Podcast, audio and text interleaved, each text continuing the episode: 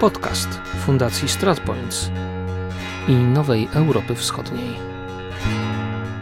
COVID-19 cały czas się zmienia. Mamy kolejne fale, wzloty, upadki. Teraz coraz więcej słyszymy o tym, że pandemia się kończy albo przechodzi w fazę endemiczną, czy to w Polsce, czy na świecie.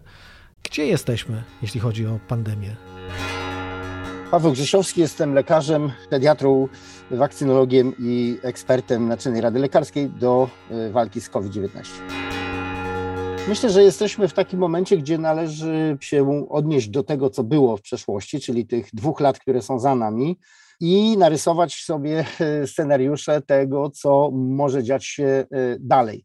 Z całą pewnością po dwóch latach wirus zmienił się i zaczął wariantem Omikron być może nowy rozdział, to znaczy więcej zachorowań łagodnych, mm, o lżejszym e, przebiegu, e, ale przede wszystkim dla osób zaszczepionych i masowe zachorowania. To jest coś, czego nie widzieliśmy dotychczas przez dwa lata, czyli tyle osób zachorowało w tej fali, co od początku pandemii łącznie. W związku z tym mm, widzimy, że zmieniła się ta epidemiologia, czyli więcej zachorowań, ale nie widzimy jakiegoś drastycznego przeładowania szpitali, y, jakichś dramatycznych głosów z oddziałów intensywnej terapii, że brakuje respiratorów. Czyli widzimy, że wirus przez to, że stał się bardziej zakaźny, ale jednak y, choroba w wielu przypadkach y, przebiega łagodnie i to jest pewna nadzieja na przyszłość, która nie musi oczywiście stać się zasadą, czyli że kolejne warianty będą coraz bardziej łagodne, ale na razie korzystamy z tego, że rzeczywiście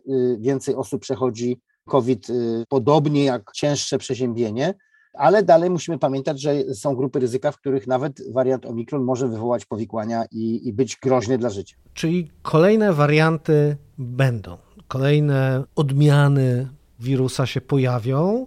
Rozumiem, że to jest pewne. Pojawianie się nowych wariantów w wirusie RNA, czyli takim wirusie, który ma ten taki niedokładny materiał genetyczny, ten, ten kwas ribonukleiniowy przy każdej kopii może się trochę pomylić, niedokładnie skopiować i daje nowe mm, warianty. Więc tu nie ma wątpliwości, że nowe warianty będą, tylko pytanie, mm, w jakim kierunku wirus będzie się zmieniał. I tego już nie jesteśmy w stanie w tej chwili przewidzieć, ponieważ ilość mutacji jest w zasadzie nieskończona. Mając kilka białek, e, ten wirus jest w stanie zmieniać równocześnie różne białka, a jednocześnie jego celem e, jest tak naprawdę jak największa w tej chwili zakaźność, czyli rozprzestrzenianie się na jak największą skalę.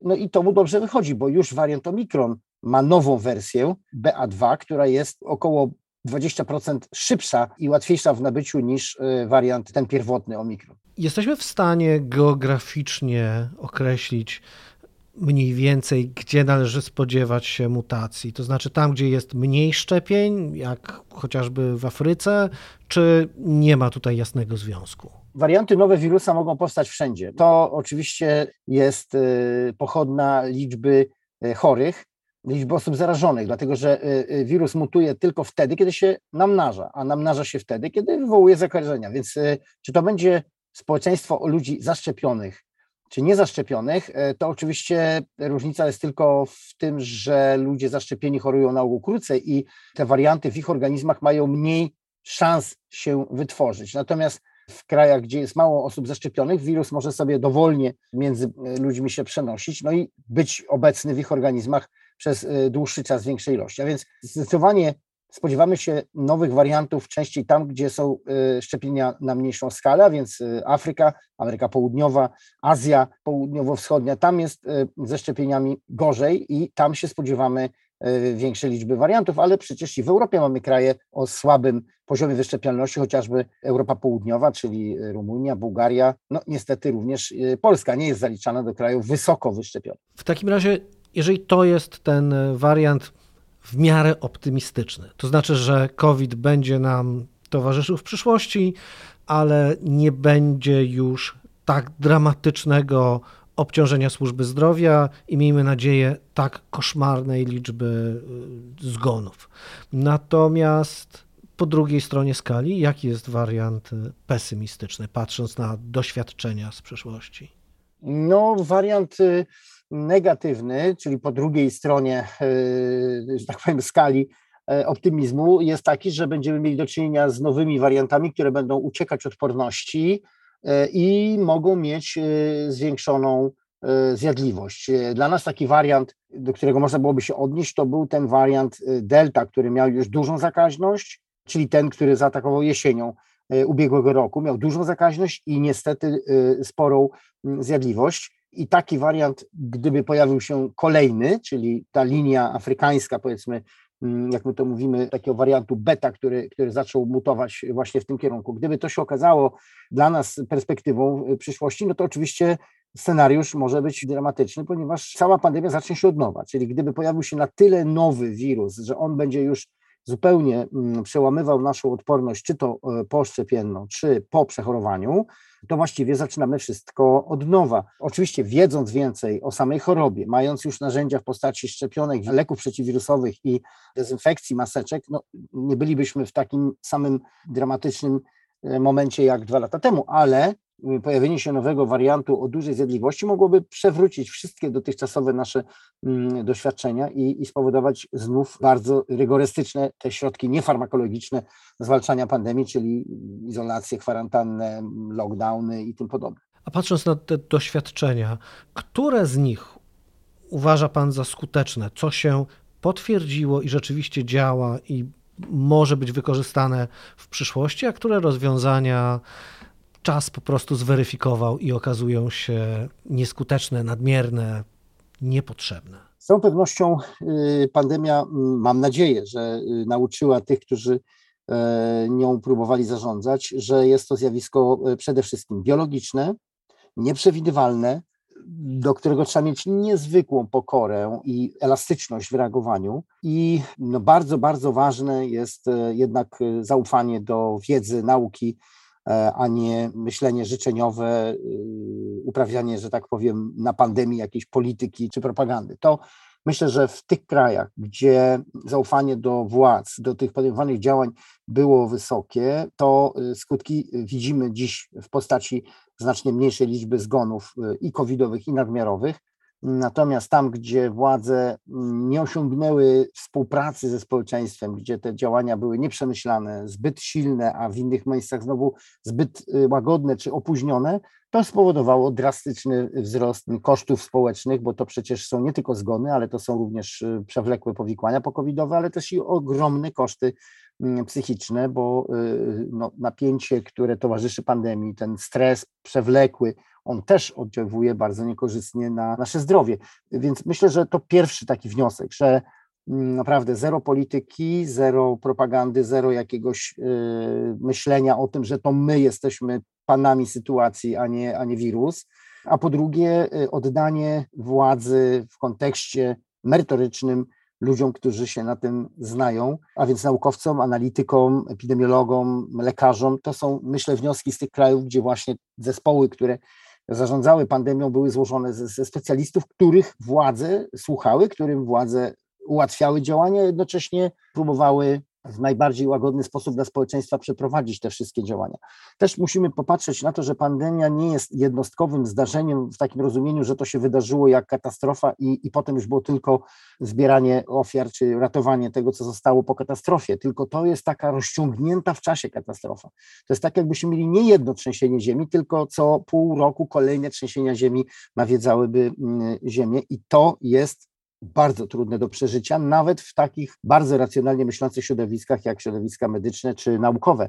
Przewlekły y, stan zagrożenia i taka nieprzewidywalność, co się zdarzy jutro, czy właśnie nowy wariant powstanie, czy nie powstanie, a, a może powstanie gorszy, to jest y, bardzo trudne dla e, ludzi przygotowanych, a co dopiero mówić o społeczeństwie, które nie posiada wiedzy medycznej, nie musi e, wiedzieć, prawda, nie musi znać tych wszystkich biologicznych elementów, a, a, a po prostu odbiera te sygnały i te sygnały, gdzie wychodzą specjaliści, mówią, ja nie wiem, co będzie jutro, nie wiem, czy szczepionka będzie działać, nie wiemy, nie mamy leków, nie wiemy, kiedy będą. No, dla społeczeństwa takie sygnały są bardzo trudne i jeszcze bardziej to napięcie, ten stres e, potęgują. Więc chciałbym bardzo, żeby pandemia nauczyła nas e, nowych mechanizmów postępowania w takich sytuacjach, radzenia sobie dużo lepiej właśnie z tą społeczną stroną kataklizmu, jakim jest niewątpliwie pandemia, mając na względzie, że kolejne kataklizmy mogą nam się znów przydarzyć, chociażby związane z klimatem, chociażby związane z nowymi chorobami zakaźnymi, które się wraz ze zmianami klimatycznymi będą pojawiać i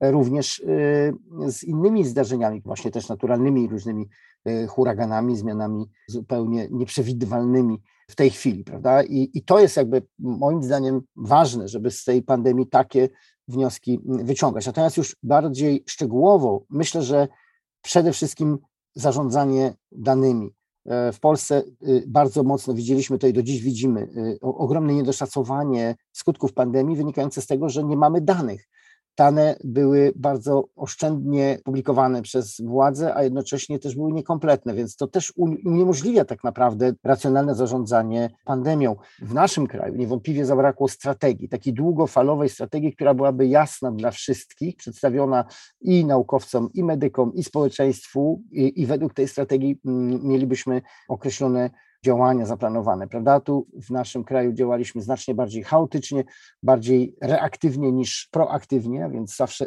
gdzieś tam ze spóźnieniem, a to oczywiście oznacza w przypadku pandemii znacznie większą liczbę zachorowań czy zgonów.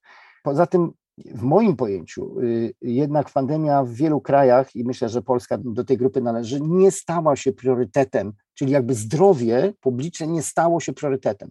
To zresztą widzimy na co dzień, prawda? Nie ma wielu godzin spędzonych przez y, polityków, przez władze na myśleniu, jak y, ratować kraj z pandemii, tylko y, dzieją się bieżące sprawy polityczne czy jakieś inne, a pandemia sobie gdzieś tam biegnie obok, tak jakby to była w ogóle jakaś inna rzeczywistość, inny wymiar, a przecież tak nie jest.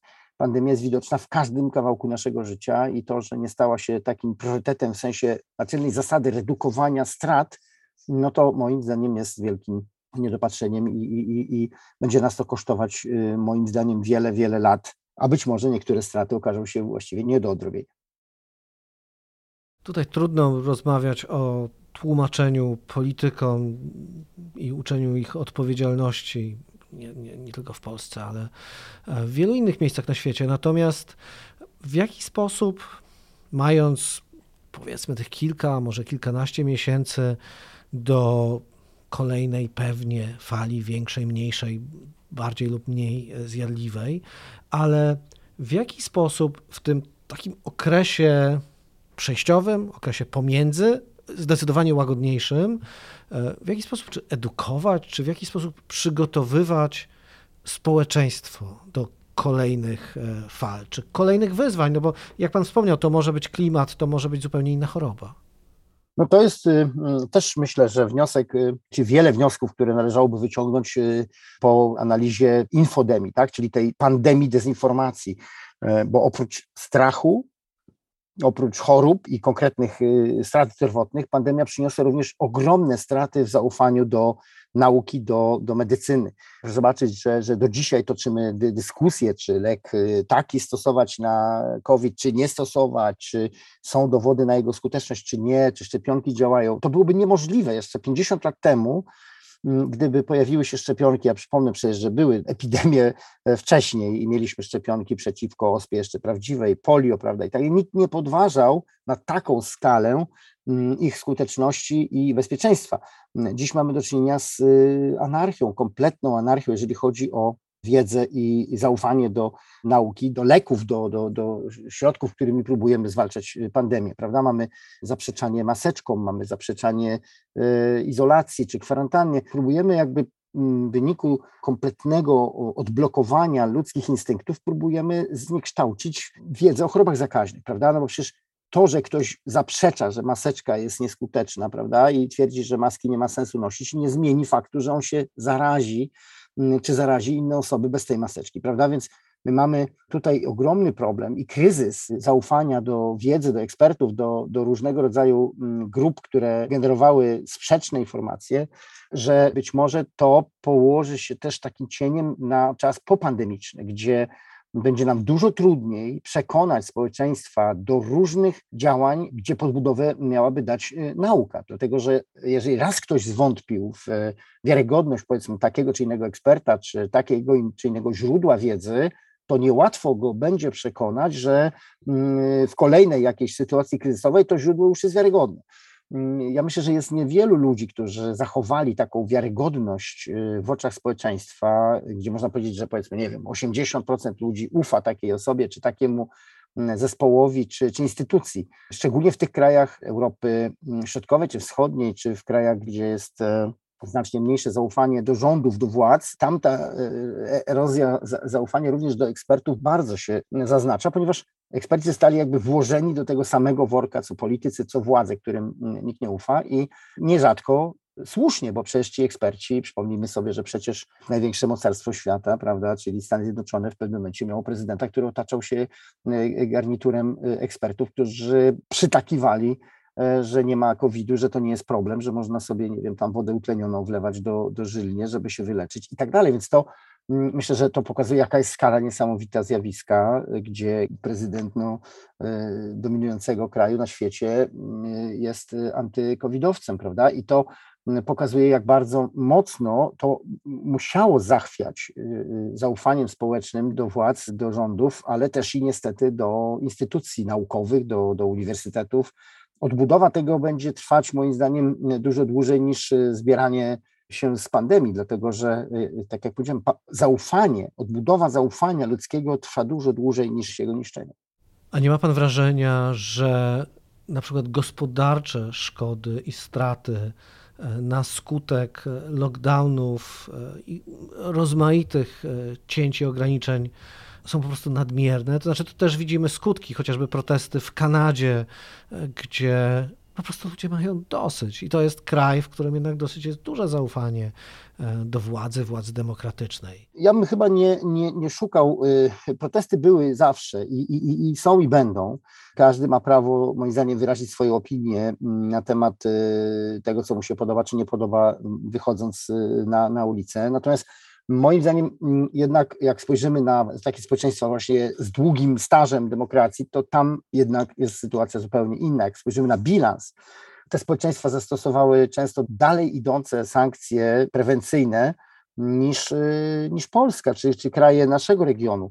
Proszę zwrócić uwagę, że myśmy nie mieli ani godziny policyjnej, nie mieliśmy e, zakazu opuszczania mieszkań, zakazu spotkań, praktycznie one nie były egzekwowane, a przecież wiemy, że w wielu krajach Europy Zachodniej czy świata zachodniego takie restrykcje były bardzo mocne i, i e, ja się nie dziwię, że, że niektórzy uważają, że to było przesadzone, ale to wymaga pewnego też spojrzenia chronologicznego. Jeżeli w marcu 2020 roku nie wiedzieliśmy tak naprawdę, jakie jest realne zagrożenie y, i y, głównym wtedy naszym celem było kupienie czasu, było uniknięcie drastycznej y, sytuacji, gdzie choruje bardzo dużo ludzi na nieznaną chorobę, no to w naturalny sposób wówczas drogą do ochrony społeczeństwa było jego zamknięcie. De facto było spowodowanie tego słynnego lockdownu, który miał nam dać czas na poznanie wirusa, na być może wytworzenie jakichś pierwszych e, środków ochronnych typu surowice odpornościowe, być może rozpoczęcia prac nad szczepionkami i tak. I to się w jakimś sensie udało. Mm, przecież proszę zwrócić uwagę, że Polska po tym głębokim lockdownie marcowym e, z 2020 roku do września prawie nie miała zachorowań. Myśmy byli wzorcem dla wielu krajów właśnie Europy Zachodniej, które z opóźnieniem wprowadzały te ograniczenia. Więc jeżeli w ten sposób spojrzymy na mm, początek pandemii, to Polska wygrała ten czas. Myśmy pierwsze pół roku pandemii mieli darowane. Ten czas został kompletnie zmarnowany, to już jest inna sprawa. I ta energia ludzi, którzy wtedy zamknęli się w domach, ta wspólna energia, którą przecież wszyscy pamiętamy, y, wszystkie media się zjednoczyły, każdy mówił zostań w domu, prawda? I to był bardzo ważny moment, który trzeba było wykorzystać. Potem należało powoli i przede wszystkim lokalnie te mm, ograniczenia zdejmować, mając kontrolę doskonałą nad y, sytuacją. No i to się nie stało. Właśnie to jest chyba taki, taki mm, dla mnie najpoważniejszy problem, że nie wyciągano wniosków z kolejnych fal, nie wyciągano wniosków z kolejnych zdarzeń.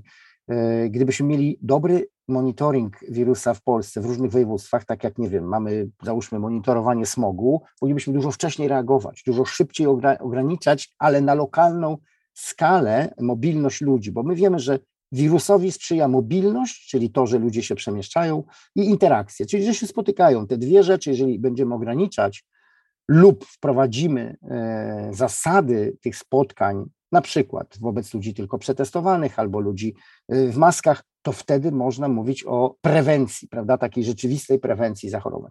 Natomiast to się nie stało i, i każda kolejna fala była poniekąd dla nas takim samym nowym zaskoczeniem, nowym odkryciem, które no niestety źle się kończyło. I tu widać różnicę. Kraje Europy Zachodniej wyciągnęły bardzo silne wnioski, bardzo dużo wniosków z tej pierwszej fali, gdzie zostały zaskoczone, gdzie właśnie opóźniły wprowadzanie lockdownu i później już jakby nie odpuszczały. I w tych krajach po tej pierwszej fali, gdzie była ogromna umieralność, już później takiego mm, stanu nie było, bo wyciągnięto wnioski z tej pierwszej lekcji, kiedy wirus ich zaskoczył. Myśmy od początku pandemii mieli szczęście, mając około 3-4 tygodnie opóźnienia w stosunku do krajów Europy Zachodniej. Tak, to, jest, to wynika z naszego położenia, to wynika z naszej mm, mobilności, y, z, z ilości ludzi, którzy podróżują za granicę i tak dalej. Więc to powodowało, że myśmy mieli zawsze czas na przygotowanie i ten czas nie został mm, w moim pojęciu dobrze spożytkowany. Za każdym razem nasze działania już po wrześniu 2020 były opóźnione.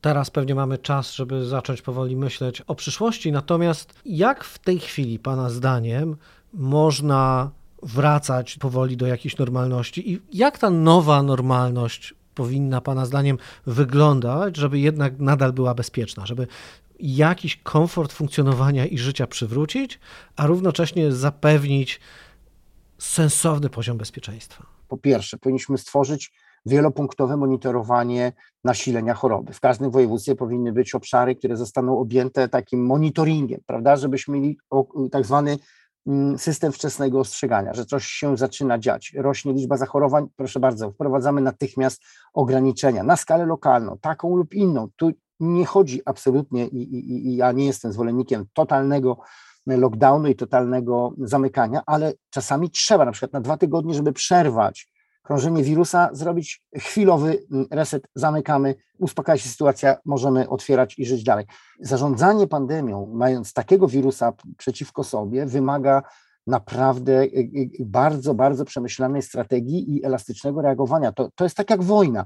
Nie można podjąć decyzji jednej na pół roku, tylko co chwila właściwie trzeba modernizować te decyzje po to, żeby optymalizować zarówno właśnie koszty, jak i straty. Jeżeli spojrzymy na system ochrony zdrowia, przecież to, co się wydarzyło, czyli ta kompletna blokada łóżek szpitalnych, które normalnie służyły pacjentom z innymi chorobami, to zablokowanie kilkunastu tysięcy łóżek na, na COVID spowodowało, że inni pacjenci stracili dostęp do ochrony zdrowia. To też będzie ten dług zdrowotny, który będziemy spłacać przez wiele lat, bo przecież nie odbyło się ileś operacji, nie odbyło się ileś badań diagnostycznych, ileś osób czeka w kolejkach, które nie skróciły się przez COVID, tylko wydłużyły. To jest problem, który będziemy musieli w najbliższych latach e, rozwiązać globalnie. To nie jest tylko kwestia absolutnie Polski. Więc żeby móc myśleć o przyszłości, musimy usiąść teraz, moim zdaniem najlepiej jak się piąta fala skończy i pewnie będzie około pół roku spokoju, usiąść, podsumować to wszystko, co się wydarzyło i na podstawie różnych opinii wypracować strategię monitoringu, nie czekania na nową katastrofę, tylko uprzedzenia tej katastrofy poprzez właśnie system monitorowania. System aktywnego monitorowania, czyli takiego wyprzedzającego sprawdzania stanu zdrowia społeczeństwa, po to, żeby na podstawie tych danych gromadzonych w systemie szacować ryzyko, czy coś może się wydarzyć, czy nie, czy nowa choroba się szykuje, czy jakiś nowy wariant pojawił się. To wszystko powinno mm, być y, skonstruowane na zasadzie takiej sieci ośrodków, które by zajmowały się zagrożeniami epidemicznymi, bo nie chodzi tu tylko o COVID. Mamy przecież coroczną grypę, która też pochłania wiele ofiar. Mamy wiele innych chorób zakaźnych, które w cudzysłowie czekają w kolejce na to, żeby zaatakować. A więc nie ma tutaj też obaw, że taka e, sieć byłaby niezagospodarowana, bo my tych zagrożeń zdrowotnych mamy przecież e, całe mnóstwo. No a kolejny etap, bo to są pewne metody gromadzenia danych. To później jest analiza tych danych, czyli musi powstać ośrodek analityczny, który zajmował się bieżącą analizą zagrożeń, i potem kolejny to generowanie y, wytycznych, generowanie zaleceń dla rządu, y, co mają robić. I, i, I tak to musi być umocowane, żeby ten rząd, niezależnie jaki on będzie, żeby on musiał wypełniać te wytyczne czy rekomendacje, a nie polemizował z nimi na zasadzie, że to się może opłacać, ale może się nie opłacać politycznie, więc to musiałoby być skonstruowane od samego szczytu, czyli podpinając się pod konstytucję, pod to, że władze mają obowiązek walki z chorobami epidemicznymi, aż właśnie po ten najniższy szczebel, czyli pojedynczych ośrodków monitorujących stan zdrowia publicznego. I możemy tak naprawdę sobie tylko życzyć, żeby udało się na tych, którzy mają realny wpływ na rzeczywistość, na politykach, wymusić odpowiednie działanie, odpowiedzialność i przygotowanie się, nas, krajów w liczbie mnogiej, e, do kolejnej fali, ale też do kolejnych wyzwań, chociażby związanych ze zmianami klimatycznymi, które również nas nie ominą. Bardzo dziękuję. Moim rozmówcą był dr Paweł Grzesiowski. To był podcast Fundacji StratPoints i Nowej Europy Wschodniej. Realizacja Free Range Productions.